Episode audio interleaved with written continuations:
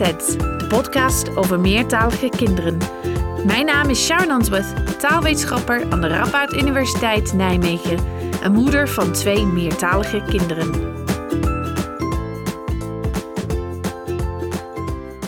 Welkom bij seizoen 4 van Kletsets. Toen ik in 2019 begon met de podcast, had ik nooit kunnen bedenken dat ik vier jaar later er nog mee bezig zou zijn. Dit is vooral te danken aan jullie. Dank voor jullie enthousiaste reacties, voor het delen van de podcast met anderen en natuurlijk vooral voor het luisteren. In deze aflevering gaan we het hebben over de taalkeuzes die je kunt maken als ouder als je wilt dat je kind meertalig wordt. Als je zelf meertalig bent, hoe kies je welke taal je spreekt? Moet je een keuze maken? En wat zijn de gevolgen van die keuzes? Onderzoeker Eily Hollebeker geeft antwoord. Verder deel ik met jullie weer een klets inkoppertje, een concrete tip die je meteen en makkelijk in kunt zetten om meer te halen uit de meertaligheid in jouw gezin, klas of praktijk. En onze kletsets van de week, het zijn er een heleboel vertellen jullie over hun meertalige toekomst, waarom ze trots zijn op hun meertaligheid of juist niet, en wat volgens hun de goede en slechte kanten zijn van meertalig zijn. Door met de podcast. Toen ik zwanger was van onze eerste kind, wist ik gelijk dat ik Engels zou gebruiken met de baby. No brainer. Ik wilde dat mijn dochtertje met haar familie in Engeland kon communiceren dat ze zich ook een beetje Brits zou voelen. En natuurlijk, als je onderzoek doet naar de taalontwikkeling van meertalige kinderen, kan het heus niet anders dat je je kind meertalig wilt opvoeden als dat kan. Voor mijn man lag de keuze om Engels te spreken minder voor de hand. Zoals ik al eerder op de podcast heb verteld, volgens mij, is hij moedertaalspreker van het Nederlands, eentalig opgegroeid. En op dat moment spraken wij vooral Nederlands met elkaar. Toch heeft hij ervoor gekozen om Engels met onze kinderen te spreken. Waarom? Ten eerste omdat hij heel goed Engels kan. En dus dacht hij dat hij het aankon, zo een kind opvoeden in het Engels. Maar hij wist ook dat, zelfs met het Engels, de kansen groter zouden zijn dat onze kinderen meertalig zouden worden als hij ook die taal zou spreken. Dit bleek een goede keuze te zijn, want onze twee kinderen inmiddels 12 en 9 jaar oud, beheersen beide talen goed, gebruiken consequent Engels als ze met ons praten en meestal ook onderling. Dit zeg ik nu niet allemaal om ons een schouderklopje te geven, maar gewoon om te laten zien dat als het gaat om de taal die je met een kind spreekt, het soms een goed idee kan zijn om na te denken over alle opties die je hebt en wat voor gevolgen deze zouden kunnen hebben. Er zijn natuurlijk veel andere situaties waarin je bewust of onbewust een keuze hebt. Ik had ervoor kunnen kiezen om Nederlands met onze kinderen te praten. Sommige anderstalige ouders krijgen nog steeds het advies om dit te doen, zodat hun kinderen sneller of beter Nederlands leren. Als je als ouder meer dan één taal spreekt, heb je in principe altijd een keuze. Hoe maak je die keuze? Moet je een keuze maken? En wat doe je als jij en je partner een andere taal van elkaar spreken, maar in een derde taal met elkaar communiceren? Hoe pak je het aan als jullie een kind krijgen? We gaan het over al deze vragen hebben in deze aflevering. Dat doen we met Eily Hollebeker, onderzoeker aan de Vrije Universiteit in Brussel en toevallig ook moeder van een Engels-Nederlands kindje.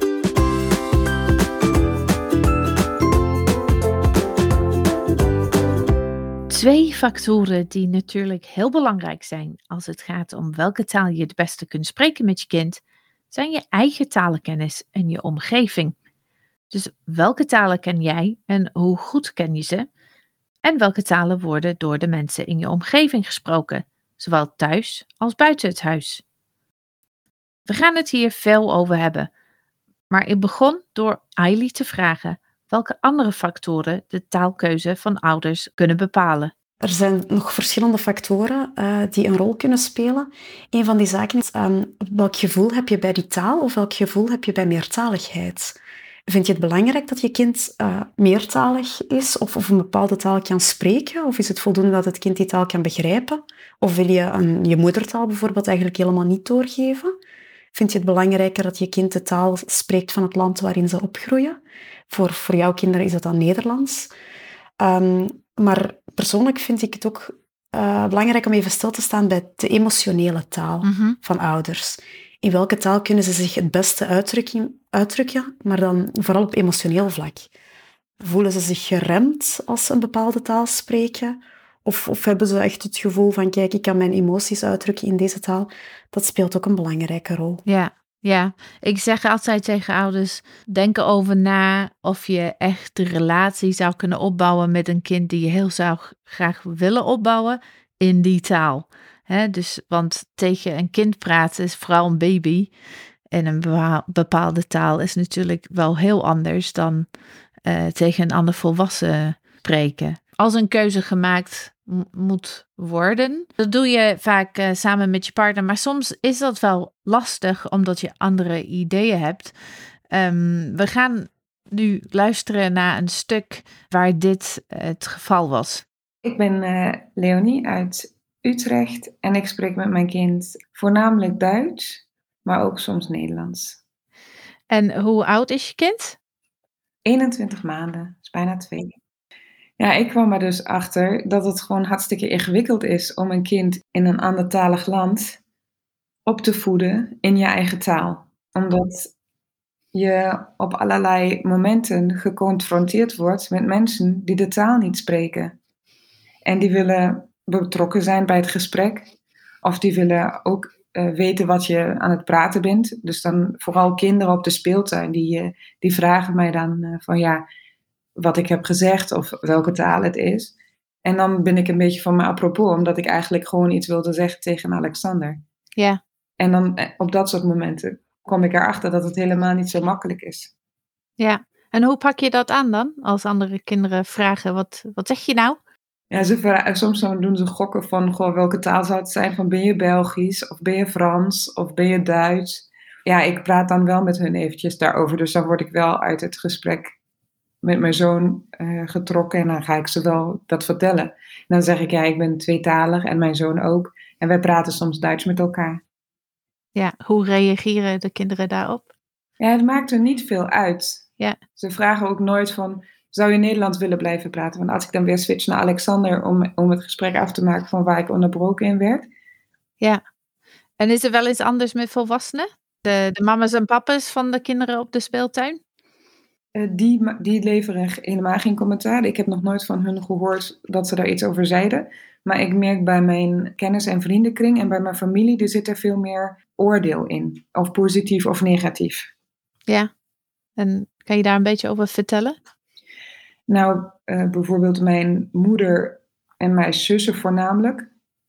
Die willen heel graag dat ik Alexander tweetalig opvoed, omdat ze anders bang zijn dat ze niet goed met hem kunnen communiceren.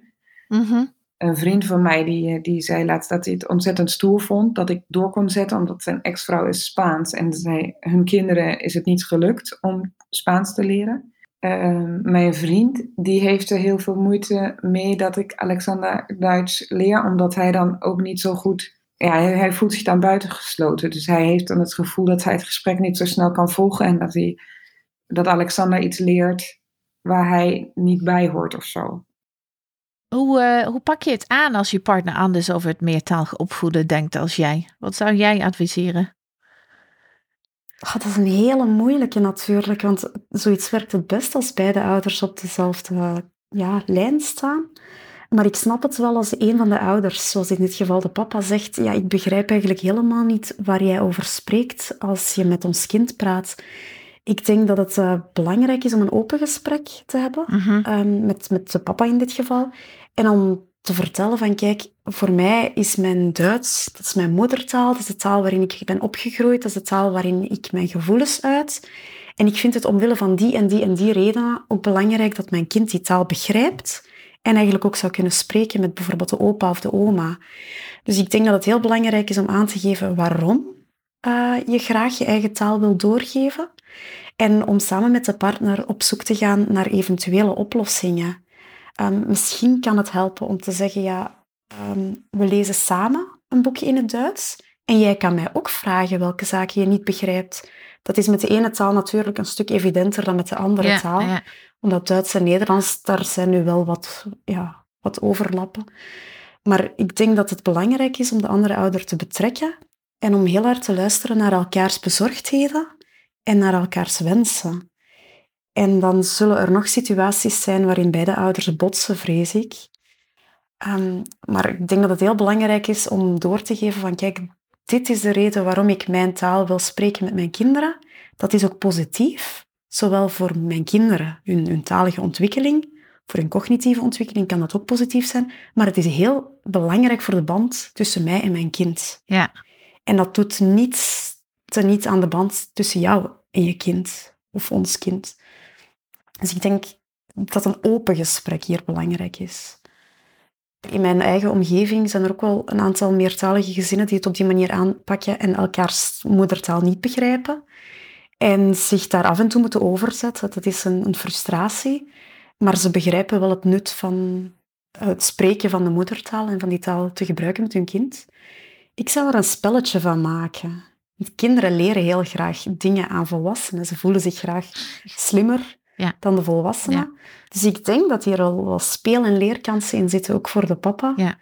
Eh, om samen met de kindjes Duits te leren. Ja, nou, de, wat wij ook hoorden van Leonie was ja, zorgen over haar taalgebruik, bijvoorbeeld in de speeltuin. Veel ouders worstelen daarmee, dus ook ja, op het schoolplein of als er andere kinderen over de vloer komen. De zorg daarachter is, ja, als ik nu overschakel naar het Nederlands, als dat, als dat kan, hè, als je Nederlands eh, machtig bent, in plaats van je eigen taal, wel- welke taal dan ook nodig je je kind dan niet uit om dat ook vaker te doen. Hè? Dus is dit eh the beginning of the end, om het zo eh, een beetje doom en gloom eh, te formuleren. Wat, wat zou jij eh, adviseren in dit geval?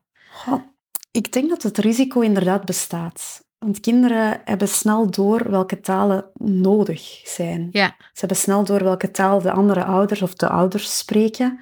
En, en kinderen zijn op dat vlak een beetje, laten we het ons lui noemen. Ze zijn wel opportun en ze gaan de taal gebruiken die voor hen het gemakkelijkste is. En, en dat is vaak op een bepaalde leeftijd de, schoolle- eh, de schooltaal en de taal die ze met hun vriendjes op school spreken. Mhm, mhm. Tegelijkertijd snap ik absoluut eh, de wil van ouders om zo inclusief mogelijk te willen zijn. En dus niet, eh, ja, geen, moet ik het zeggen, niet de indruk willen geven aan andere ouders en andere kindjes dat ze achter hun rug in hun eigen taal aan het communiceren zijn. Ehm, op zich zal er niets misgaan als je dat een paar keer doet.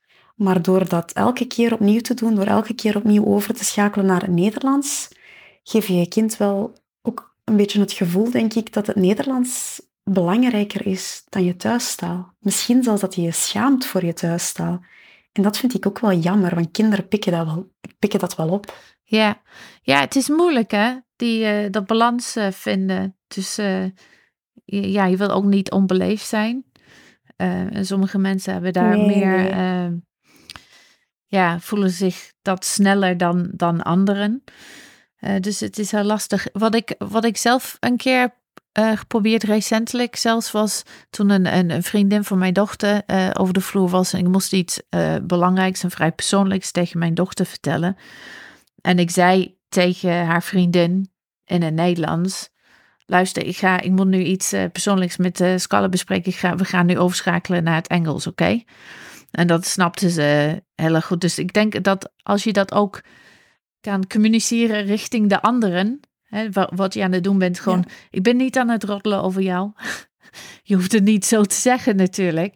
Dat dat het misschien ook eh, kan helpen. En kan je ook als ouder de vrijheid geven om door te gaan met je eigen taal. Dat is een hele fijne aanpak. Ik denk ook dat het het kind, alle kinderen eigenlijk in deze situatie, bewust maakt van ja, het, het nut om te communiceren in je eigen taal, maar ook het gemak dat daar soms aan vasthangt. Ja. Ik denk dat je dat effectief wel kan verwoorden. Van, ik, ik vind het iets gemakkelijker om dit nu uit te drukken in het Engels. Ja. En dat dan gewoon te doen. Ja. En ook te zeggen van, laat het maar weten als je het eh, lastig vindt, dan, dan schakel ik terug over op het Nederlands. Ja. Dit zijn vaak uh, vragen die ik ook van ouders hoor. Andere, andere vraag die ik vaak krijg en die ik ook graag aan jou wil voorleggen, is ja, de situatie waar je uh, zelf om welke reden dan ook bent overgeschakeld naar Nederlands als ouder die niet Nederlands als moedertaal heeft. En dat wil je toch veranderen, hè, om, omdat je misschien daar misschien spijt van hebt. Eh, voordat je die vraag beantwoordt, wil ik graag uh, nog een, een fragment uh, beluisteren van een, een eerder gesprek op de podcast. Dit was echt de situatie waar Danielle zich in bevond. Mijn naam is Daniela Polisjenska. Ik woon in Amstelveen en ik spreek met mijn beide kinderen Nederlands en soms Tsjechisch met mijn dochter. Vroeger sprak ik met beide kinderen Tsjechisch, maar nu niet meer. Maar mijn zoon die kan geen Tsjechisch of hij kan Tsjechisch verstaan, een beetje. Ja, hoe is dat gegaan? Want je zei vroeger sprak ik wel Tsjechisch en nu niet meer. Nou ja, toen ik uh, begon met meertalige opvoeding, toen uh, beide kinderen klein waren, toen heb ik eigenlijk voor beide gezorgd dat ze goed taalaanbod hadden in het Tsjechisch. Van, zeg maar, van de geboorte tot vier jaar. Uh, op allemaal verschillende manieren in die tijd vond ik eigenlijk de meertalige opvoeding het meest simpel. Maar op het moment dat ze naar school gingen, ging het anders. Ja. Met mijn dochter ging het eigenlijk goed. Uh, maar toen mijn zoon naar school ging, dat was ook het moment dat we naar Zuid-Afrika gingen. Een tijdje. Ja. En daar moesten de kinderen zich allebei redden in het Nederlands en in het Engels. Of in het Afrikaans, wat ze dan konden begrijpen. En ik ben toen gestopt met, met spreken. Ja. ja. Ik vond het eigenlijk uit mezelf, vond ik het een belasting uh, voor ze in die tijd. En waarschijnlijk ook voor mezelf. Ja. En uh, toen we dan na vier maanden terug waren, toen heb ik het eigenlijk niet zo opgepakt. En uh, mijn zoon zelf wilde ook niet meer dat ik Tsjechisch sprak of Tsjechisch voorlas. En daarna ging het zo dat toen we naar Tsjechië gingen op bezoek naar de familie, dan gaf het een impuls om weer Tsjechisch op te pakken. En dat was leuk. En een tijdje hebben we dat volgehouden. Vooral met mijn dochter dan. En dan zakte het weer weg. Totdat mijn dochter mij vroeg, toen ze denk ik in de vierde was, uh, VWO 4, dat ze Tsjechisch wilde spreken. Toen zei ze, mam, we moeten het weer doen. Echt? Dus het was eigenlijk op haar initiatief uh, dat we zijn begonnen.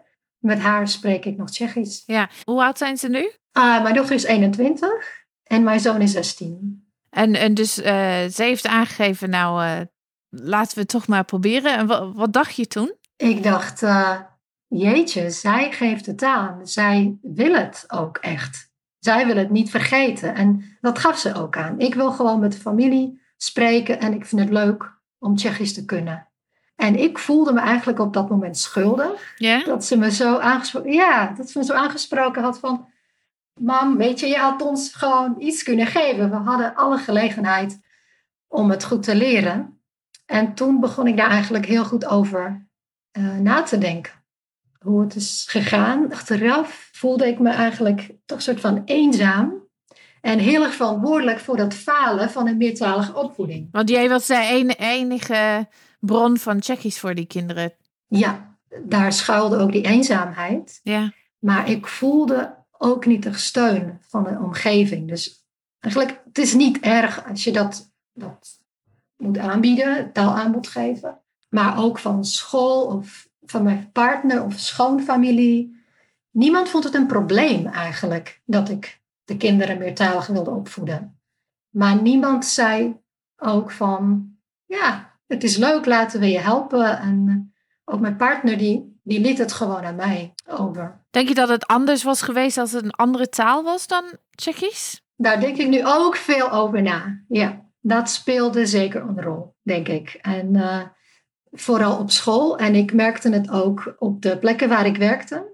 Dus sommige talen, ja, leuk, meertalig. En andere talen, ja, waarom eigenlijk? En dat voelde ik denk ik ook.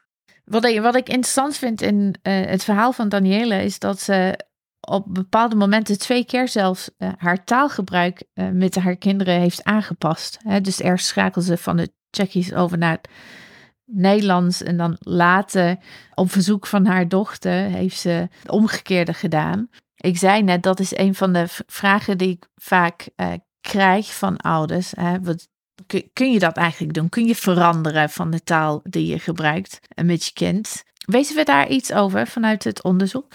Of dat veel gebeurt en wat voor effect het heeft? Op zich is Danielle's situatie um, heel, ja, komt heel vaak voor. Mm.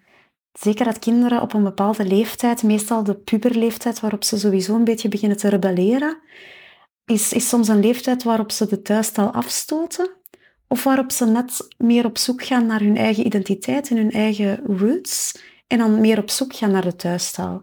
Maar we merken wel vaak in gezinnen waar, ehm, waar ze van de thuistaal zijn afgestapt eigenlijk om bijvoorbeeld Nederlands te beginnen spreken, dat uh, de jongvolwassenen dan vaak een, een soort frustratie voelen. Van ik, ik spreek mijn eigen taal niet en ik kan niet communiceren met mijn grootouders bijvoorbeeld. En zij proberen dan wel op de een of andere manier terug die, die banden met die thuistaal aan te halen. Nu, als het gaat rond die, over jonge kindjes, uh, daar heb ik zelf onderzoek naar gedaan. In Vlaanderen, waar de schooltaal ook het Nederlands is. En daar zien we ook dat veel ouders, vanaf dat die kinderen naar school beginnen gaan, uh, meer en meer Nederlands beginnen gebruiken met hun kind. Mhm. In veel gezinnen is het Nederlands sowieso wel al aanwezig, want ouders hebben door dat die taal belangrijk is en ze willen hun kind dus ook wel Nederlandse input geven. Want ze willen graag dat hun kind het goed doet op school. Maar eens de kinderen effectief naar school beginnen gaan, zien we dat dat Nederlands nog belangrijker en belangrijker wordt in het gezin.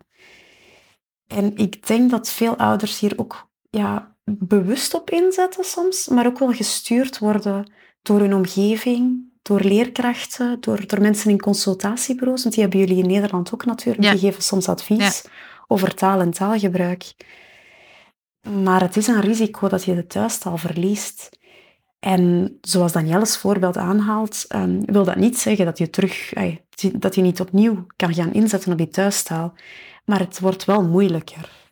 Ik vind het heel dapper dat ze het gedaan heeft. Ja, ja, ik ook. Zeker. Ik vond het echt een heel hoopvol verhaal eigenlijk. Want... Een heel mooi verhaal, inderdaad, ja. We gaan nu even luisteren naar onze kletsheid van de week.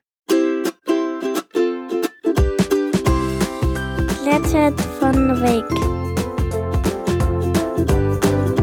In dit seizoen van Kletsheid horen we niet van één jonge kletsheid, maar meerdere tegelijk. Net zoals de best-of aflevering die ik laatst heb gemaakt van mijn favoriete kletsets van de eerste twee seizoenen, horen we nu ook een compilatie van gesprekken met verschillende kinderen. Deze gesprekken vonden plaats als deel van een onderzoeksproject van mijn collega's Eve Knop, Claire Goriot en Chantal van Dijk. De kinderen spraken met twee assistenten op het project, Julia en Bente. Ze kregen allerlei stellingen voorgelegd die ze moesten beoordelen. Wat doet het met je als je meertalig bent?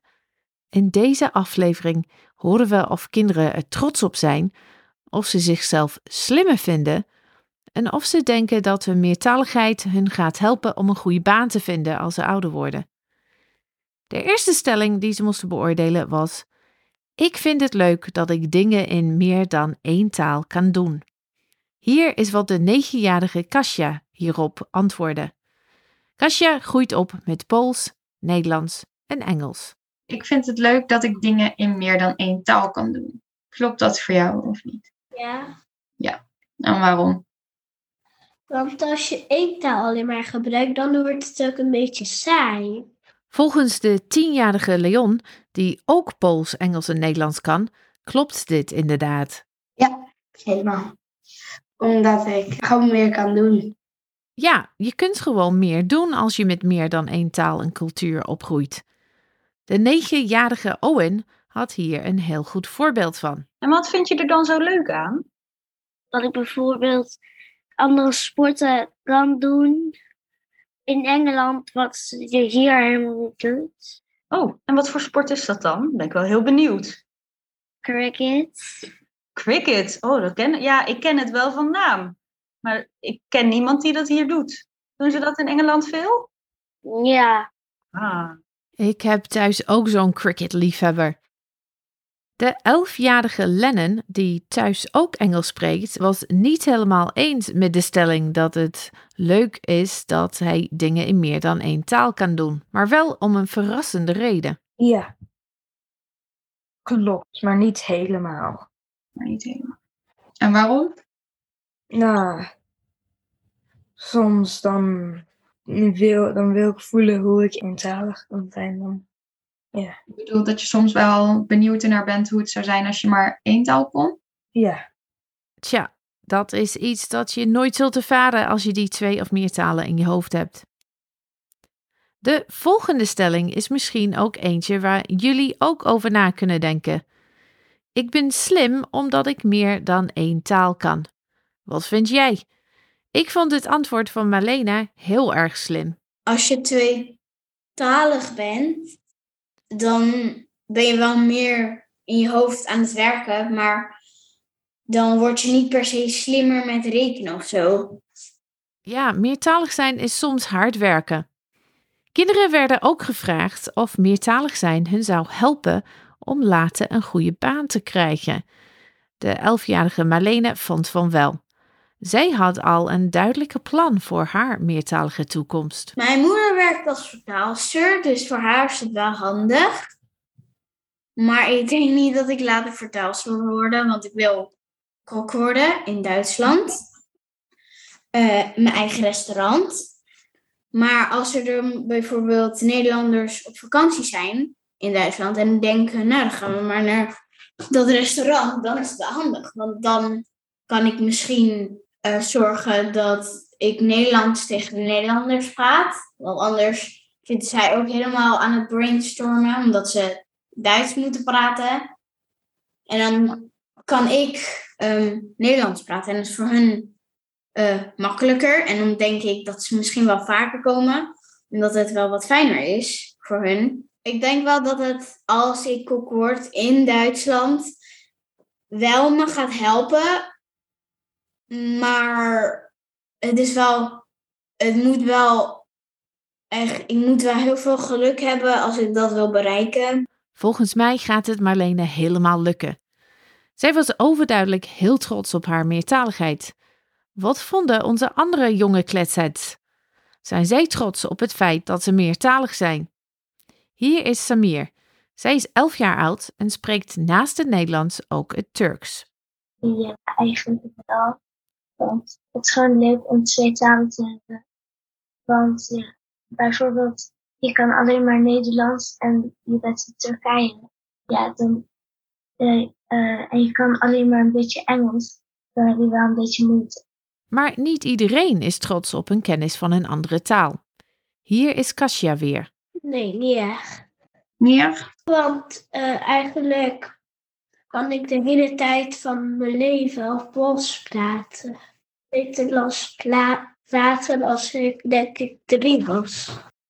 Oh, Oké, dus dan voor jou is het wel normaal dat je Pols kan en daarom ben je er niet heel erg trots op. Ja.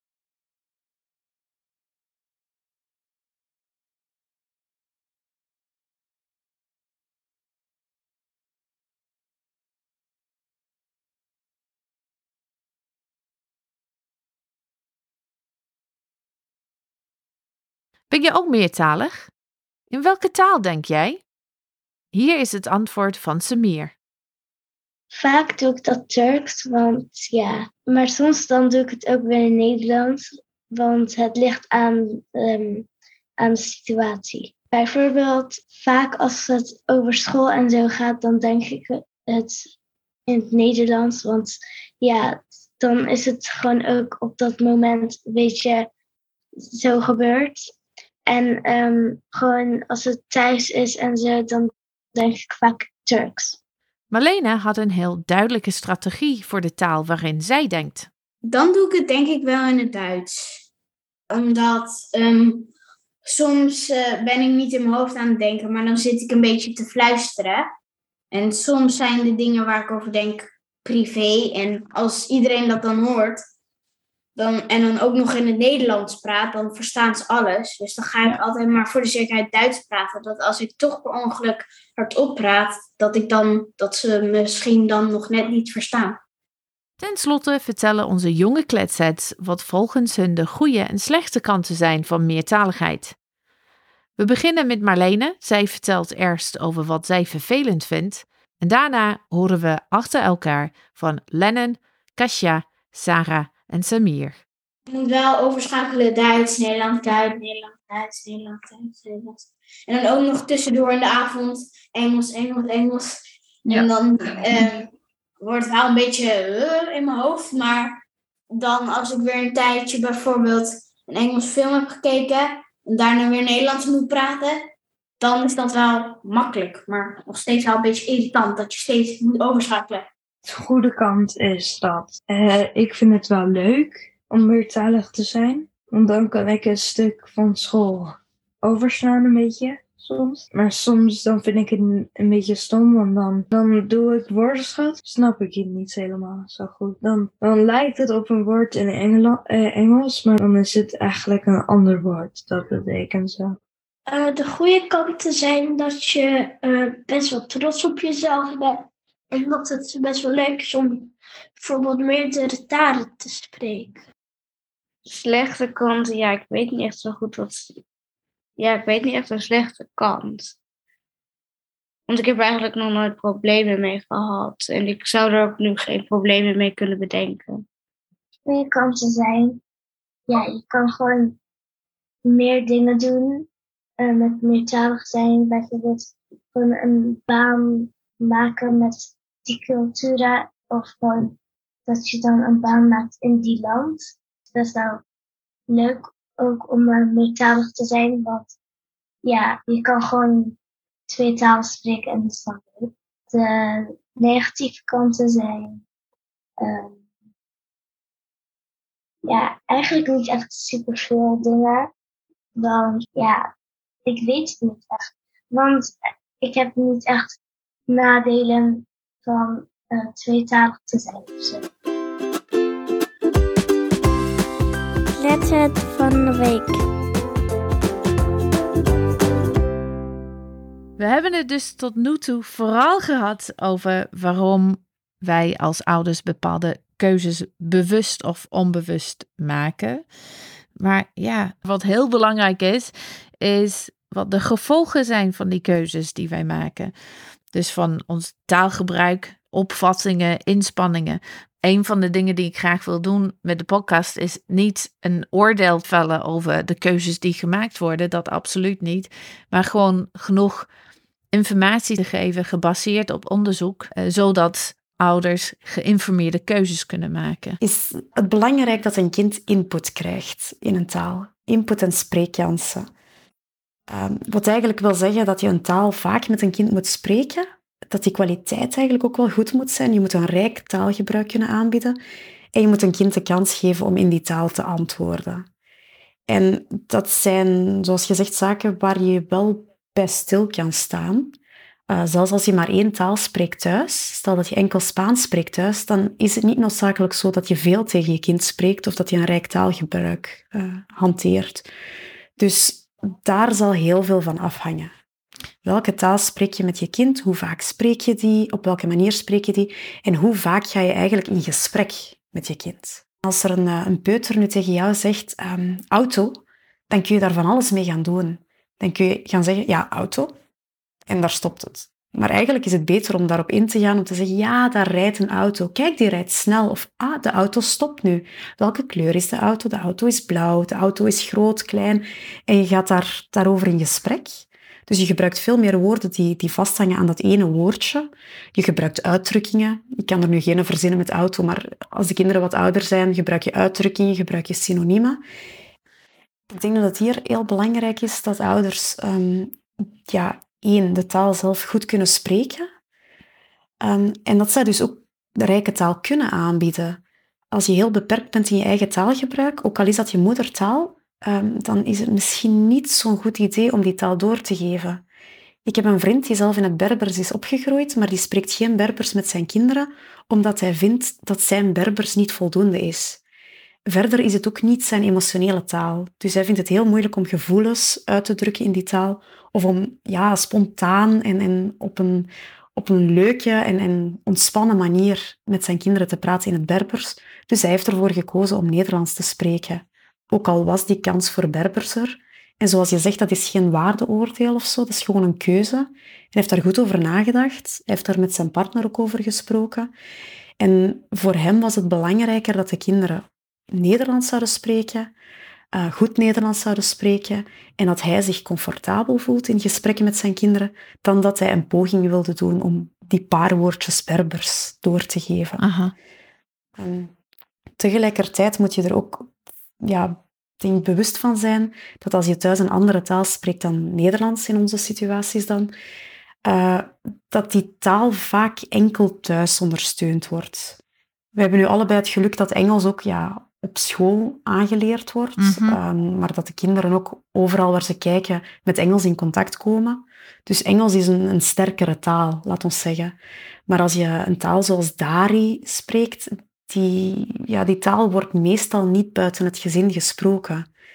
Dus dan moet je wel een extra inspanning leveren om voldoende taal te voorzien. En moet je ook wel bewust zijn van het feit dat de slaagkans iets kleiner is, net omdat die ondersteuning er niet is buiten het gezin. Ja. Ja, en kunnen we iets zeggen op basis van het onderzoek eh, over eh, welke factoren eh, ervoor zorgen dat die slagingskans hoger wordt? Er, er is weinig gedaan rond echt lange termijn Ja. onderzoek. Ja. Ehm, en, en elk gezin is natuurlijk heel uniek. Mhm. Zowel in kansen als, als in effectieve slaagkansen van die meertaligheid bij dat kind. Maar het is belangrijk eh, om te begrijpen dat hoe minder Nederlands er in het gezin binnenkomt, hoe meer het kind die thuistaal of thuistalen hoort. Ja. Tegelijkertijd weten we natuurlijk dat ouders dat Nederlands ook wel belangrijk vinden en daar ook wel op willen inzetten. Maar er valt iets voor te zeggen om bijvoorbeeld in, in jouw geval met je partner ook Engels te spreken, zodat er zo weinig mogelijk Nederlands eh, aanwezig is in het gezin. Dus ik denk dat ehm, dit, de strategie waar er enkel thuistaal gesproken wordt, is soms sterker dan de strategieën waarin de ene ouder eh, Spaans spreekt en de andere ouder Nederlands, omdat je op die manier al meer Nederlands in het gezin krijgt. Ja, dat denk ik ook. Als je hiernaar luistert en denkt, nou jammer dan, ik ben de enige persoon die bij ons de niet-Nederlandse taal gebruikt. En voor de rest is alles in het Nederlands. Dan hoef je niet te treuren. Dat is absoluut niet de bedoeling. Maar het is denk ik wel belangrijk om te beseffen dat, zoals Eili al zei, minder taalaanbod en minder spreekkansen in taal, dat heeft wel gevolgen. Dit kunnen gevolgen zijn op het gebied van taalvaardigheid. Dus begrijpt mijn kind mijn taal? Gebruikt mijn kind mijn taal? Maar ook op socio-emotioneel front. Dus op het gebied van welbevinden. Zit mijn kind lekker in zijn of haar vel? Voelen we ons goed als gezin? Wil je meer weten over meertaligheid en welbevinden? Dan luister naar aflevering 6 van afgelopen seizoen, seizoen 3. Daar gaan we hier dieper op in. Spreekkansen zijn dus belangrijk. Ik vroeg aan Eili welke tips ze aan ouders zouden geven om die spreekkansen te vergroten.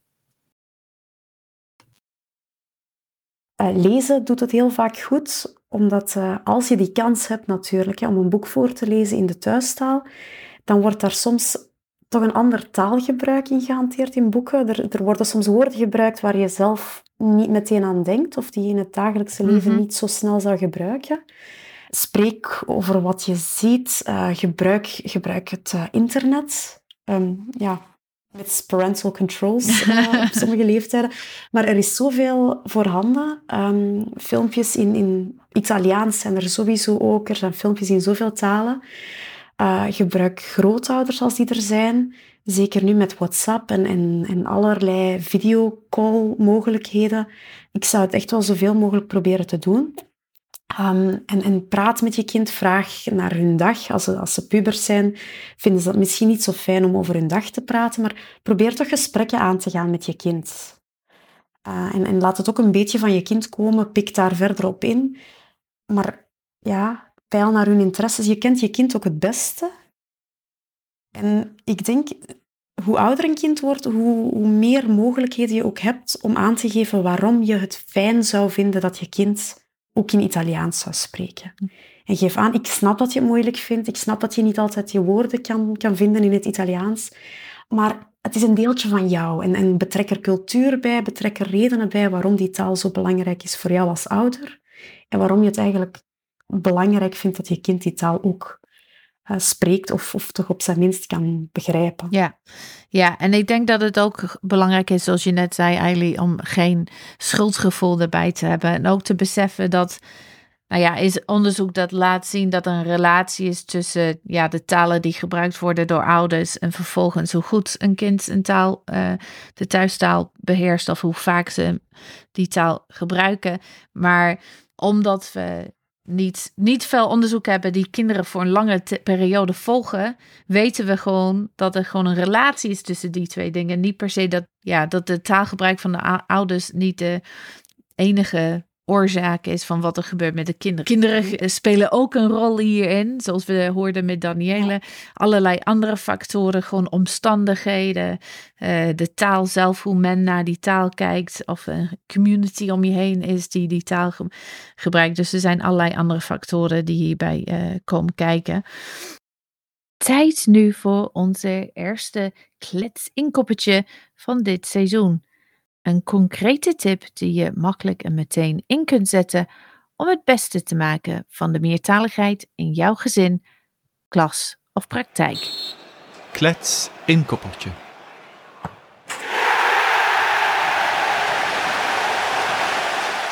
Het opvoeden, onderwijzen of behandelen van een meertalig kind doe je meestal niet alleen. Idealiter doe je dat als team. Dus als ouder met je partner en verdere familie, als leerkracht of logopedist met je collega's en met de ouders van het kind. En in veel gevallen doe je dat ook met het kind zelf. Maar soms kan het zijn dat niet alle neuzen dezelfde kant op gaan. Misschien denkt je partner anders over het meertalig opvoeden dan jij. Of heeft je schooldirectie een andere kijk op het aanpak rondom meertalige leerlingen. Of zien de ouders van een meertalig kind in je praktijk dingen anders dan jij? Dit zijn onderwerpen die we vaak liever willen vermijden dan bespreken. Maar dat gesprek is wel nodig, willen we een succes maken van de meertaligheid van de kinderen in ons midden. Dus het kletskoppetje van vandaag is: heb dat gesprek. Of het gaat om je partner, je ouders of je vrienden, je collega of het kind zelf. Praat over dat ene onderwerp dat je al een tijdje dwars zit en zorg ervoor dat jullie samen vooruit kunnen. Klets inkoppertje.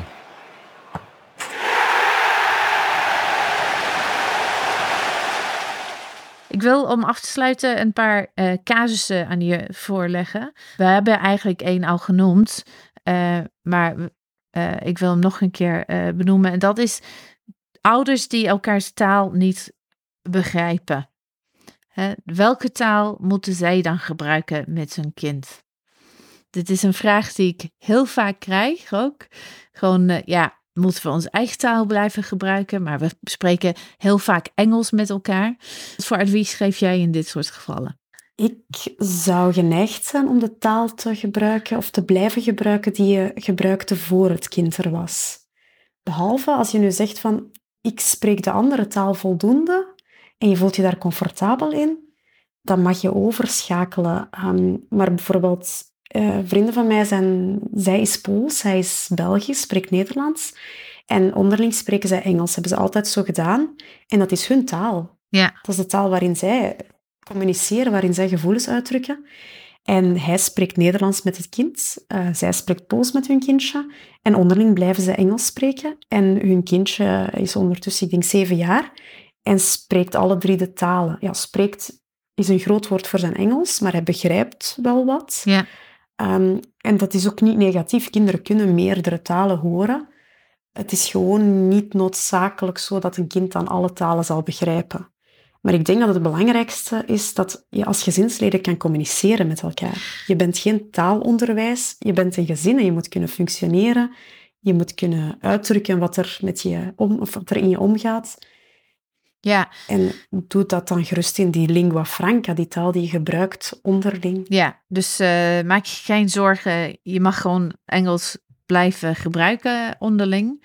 Ik vermoed dat in jouw eh, voorbeeld net dat de Pools sprekende ouder Nederlands waarschijnlijk wel begrijpt en eh, kan, maar andersom. Ze begrijpen elkaar heel moeilijk. Oh, Oké, oké. Ik dacht als, eh, als is Vlaanderen ook- wonen, misschien begrijpt eh, die persoon ook Nederlands. Ze begrijpt een beetje, maar ehm, ja, ja er, er is inderdaad wel een, een moet ik het zeggen, een, een eh, onevenwicht. Ja. Als in de papa begrijpt amper Pools en de mama begrijpt veel meer Nederlands dan Pools. Dus daar, daar zit wel een onevenwicht. Ja. En dat zul je in veel gezinnen volgens mij wel hebben. Ja. Ehm, Ja, en eh, zoals we net hebben besproken in het geval van Leonie, eh, is het goed om daar een gesprek over te hebben. Een open gesprek over hoe gaan we het aanpakken als we elkaar niet eh, goed begrijpen. Ouders die zelf meertalig zijn opgegroeid, een beetje zoals het voorbeeld van eh, jouw eh, vriend die Berbers eh, heeft meegekregen. Het kan dus ouders zijn die in Nederland of België zijn opgegroeid en die zich misschien comfortabeler voelen in het Nederlands. Of anders, eh, eh, ja, ouders die elders in de wereld twee talen hebben geleerd en nu in Nederland zijn gekomen of in België zijn komen wonen. Hoe, maak je een beslissing over welke taal je, je gebruikt? Je noemde net een, ja, het gevoel van eh, je emotioneel taal. Is, zou dat de drijvende factor moeten zijn al- in dat besluit? Moet je een keuze maken? Ik denk niet dat je een keuze moet maken, maar er zijn wel dingen waar je rekening mee moet houden.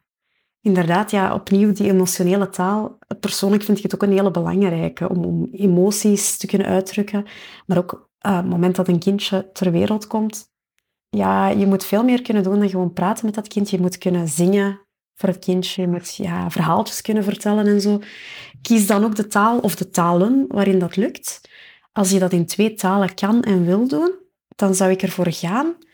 Maar dan moet je je wel bewust zijn dat de kans misschien iets kleiner is dat je kind effectief beide talen zal spreken. Maar net omdat er dus minder input is van beide Mhm. talen. Als je kiest van ik spreek enkel eh, Engels eh, en geen Nederlands met mijn kind, ja, dan hoort het kind meer Engels. Normaal gezien of normaal gesproken. Ehm, dat is vooral het geval als er twee vreemde talen, dus twee andere talen dan het Nederlands zouden zijn. Want het Nederlands, dat horen ze in hun omgeving sowieso. Ja. En eens ze naar school gaan Ja. of naar de opvang gaan, horen ze sowieso Nederlands. Dus tegen die tweetalige ouders, eh, Engels-Nederlands bijvoorbeeld, of, of Frans-Nederlands, aan hen zou ik wel aanraden om, om voor de niet-Nederlandse taal te kiezen. Als ze zich daar comfortabel bij voelen en als ze dat kunnen. Ja. En als, als de andere ouder dat ook oké vindt. Ik zou het wel aanraden, ook al wordt er vaak gezegd, ja, je moet Nederlands spreken zodat je kind eh, klaar is voor school. Dat wil niet noodzakelijk zeggen dat, eh, dat de ouders Nederlands moeten spreken, vind ik. Ja. Er zijn heel veel manieren om een kind Nederlands te leren. Eh, het gaat niet altijd zo gemakkelijk, dat is, dat is waar. En je kan daar als ouder in meestappen. Maar om volledig de thuistaal te laten vallen voor het Nederlands, dat vind ik eh, een beetje te veel in de andere richting te gaan denken. Ja, ja, inderdaad. Dus ik denk dat het ook belangrijk is om, om, ja, om door te hebben dat je gerust zaken mag aanpassen. Ja. Dat gebeurt vaak ook heel spontaan en heel normaal. Maar je hoeft, ja, het is belangrijk dat je consistent bent, zei ik daarnet. Dus dat je een beetje probeert door te zetten. Maar je moet niet eh, krampachtig vasthouden aan de ene taal. Ja, je ideeën daarover kunnen ook veranderen. Ja. En het taalgebruik in een gezin verandert sowieso. Ja, ja. dat vind ik heel belangrijk. eh, gewoon eh, eh, enigszins go with the flow. In de zin van, je Ja. hoeft niet te denken van... nee, ik moet die taal spreken en alleen die taal... en we gaan het zo doen. En dan je helemaal eh opfokken op het moment dat het eh, niet zo gaat. Ehm allerlaatste vraag. Er luisteren veel professionals eh, naar Kletsets die met ouders werken. Wat zou je tegen hun zeggen als het gaat om het adviseren van ouders over een taalgebruik met kinderen? Ja, er zijn verschillende zaken ehm, die professionals in hun achterhoofd moeten houden. Ik denk dat de eerste is dat, eh, dat elk gezin uniek is. Dus zowel in de mogelijkheden binnen het gezin, wat we daarnet zeiden, niet, elk gezin heeft de kans om Nederlands te gebruiken thuis of om dat voldoende vlot te doen. Dan heeft het geen zin om die mensen aan te raden om Nederlands te spreken met hun kinderen. Ehm, maar, maar ook wat de wensen van een gezin betreft. Dus ik denk dat het belangrijk is om eerst en vooral een stapje terug te nemen en te gaan luisteren naar wat kan mijn gezin, wat wil mijn gezin, waarom. Waarom willen, bepaalde, waarom willen sommige ouders de, de taal doorgeven, de taal niet doorgeven. Ehm, ik denk dat, dat het ook een, een kans kan zijn om met ouders in gesprek te gaan over taal en taalgebruik. Om eigenlijk de ogen van ouders te gaan openen en dus in gesprek te gaan met de andere ouder als die er is. En om, om zo het hele gedachtegoed op gang te zetten. Mhm. Ehm, want nadenken over taal en taalgebruik blijkt wel degelijk belangrijk te zijn uh, in het doorgeven van die thuistalen. Um, en daar bewust van zijn, en in het geval van professionals, ouders er bewust van maken dat er mogelijkheden zijn, maar dat er geen één op één manier is om tot een actief tweetalig kind te komen of meertalig kind te komen. Um, ouders er bewust van maken dat die thuistaal vaak kwetsbaar is en soms enkel thuis of in de thuiscontext gesproken wordt. En dat ouders daar wel ja, extra op moeten inzetten als ze dat willen. Mhm. Dat het soms niet vanzelf gaat. Um, maar vooral het, het, gesprek aangaan en dieper, gaan, uh, dieper ingaan op taalgebruik en, de redenen daarachter en de manieren waarop ouders dat proberen te, te organiseren. Wil je als professional het gesprek aangaan met ouders over het meertalige opvoeden, maar weet je niet zo goed hoe? Kijk dan naar de materialen van het Planting Languages project. Dat is een Europees project met materialen in verschillende talen, waaronder een heel mooie brochure die je kunt gebruiken om samen met ouders in gesprek te gaan over hun unieke meertalige situatie. Ook is er het Pro-M-project. Dat is een Vlaams project dat ook materialen heeft ontwikkeld voor professionals over meertaligheid. De links voor allebei de projecten staan in de show notes, de beschrijving van de podcast die je in de podcast-app vindt of op onze website. Voor ouders die meer over een taalkeuze willen nadenken, luister naar aflevering 9 van het eerste seizoen van Kletsets. Daar hebben we het over dit onderwerp. Die aflevering bestaat trouwens ook helemaal in het Engels. Dus dat is een mooie tip voor als je mensen kent die geen Nederlands kunnen. Ook zij kunnen naar Kletsets luisteren. Ga dan naar de website van de Engelstalige editie van Kletsets, kletsetspodcast.nl org. O-R-G in plaats van .nl. Dat was het voor nu. Ik wil Eileen nog bedanken voor het fijne gesprek. Wij zijn er weer over een maand met een aflevering over meertalige kinderen op de peuterspeelzaal en kinderopvang. Graag tot dan. Wil je meer weten over Kletsets? Ga dan naar www.kletsetspodcast.nl. Daar vind je ook meer informatie over deze aflevering. Wil je geen aflevering missen? Abonneer je dan op Kletsets via je favoriete podcast-app. Kletsets vind je ook op Facebook, Twitter, Insta en LinkedIn. Onze naam uit Kletsetsnl. Ken je iemand die de podcast misschien leuk vindt en die hem nog niet kent? Dan zou ik het heel fijn vinden als je hem zou delen. Bedankt voor het luisteren en graag tot de volgende keer.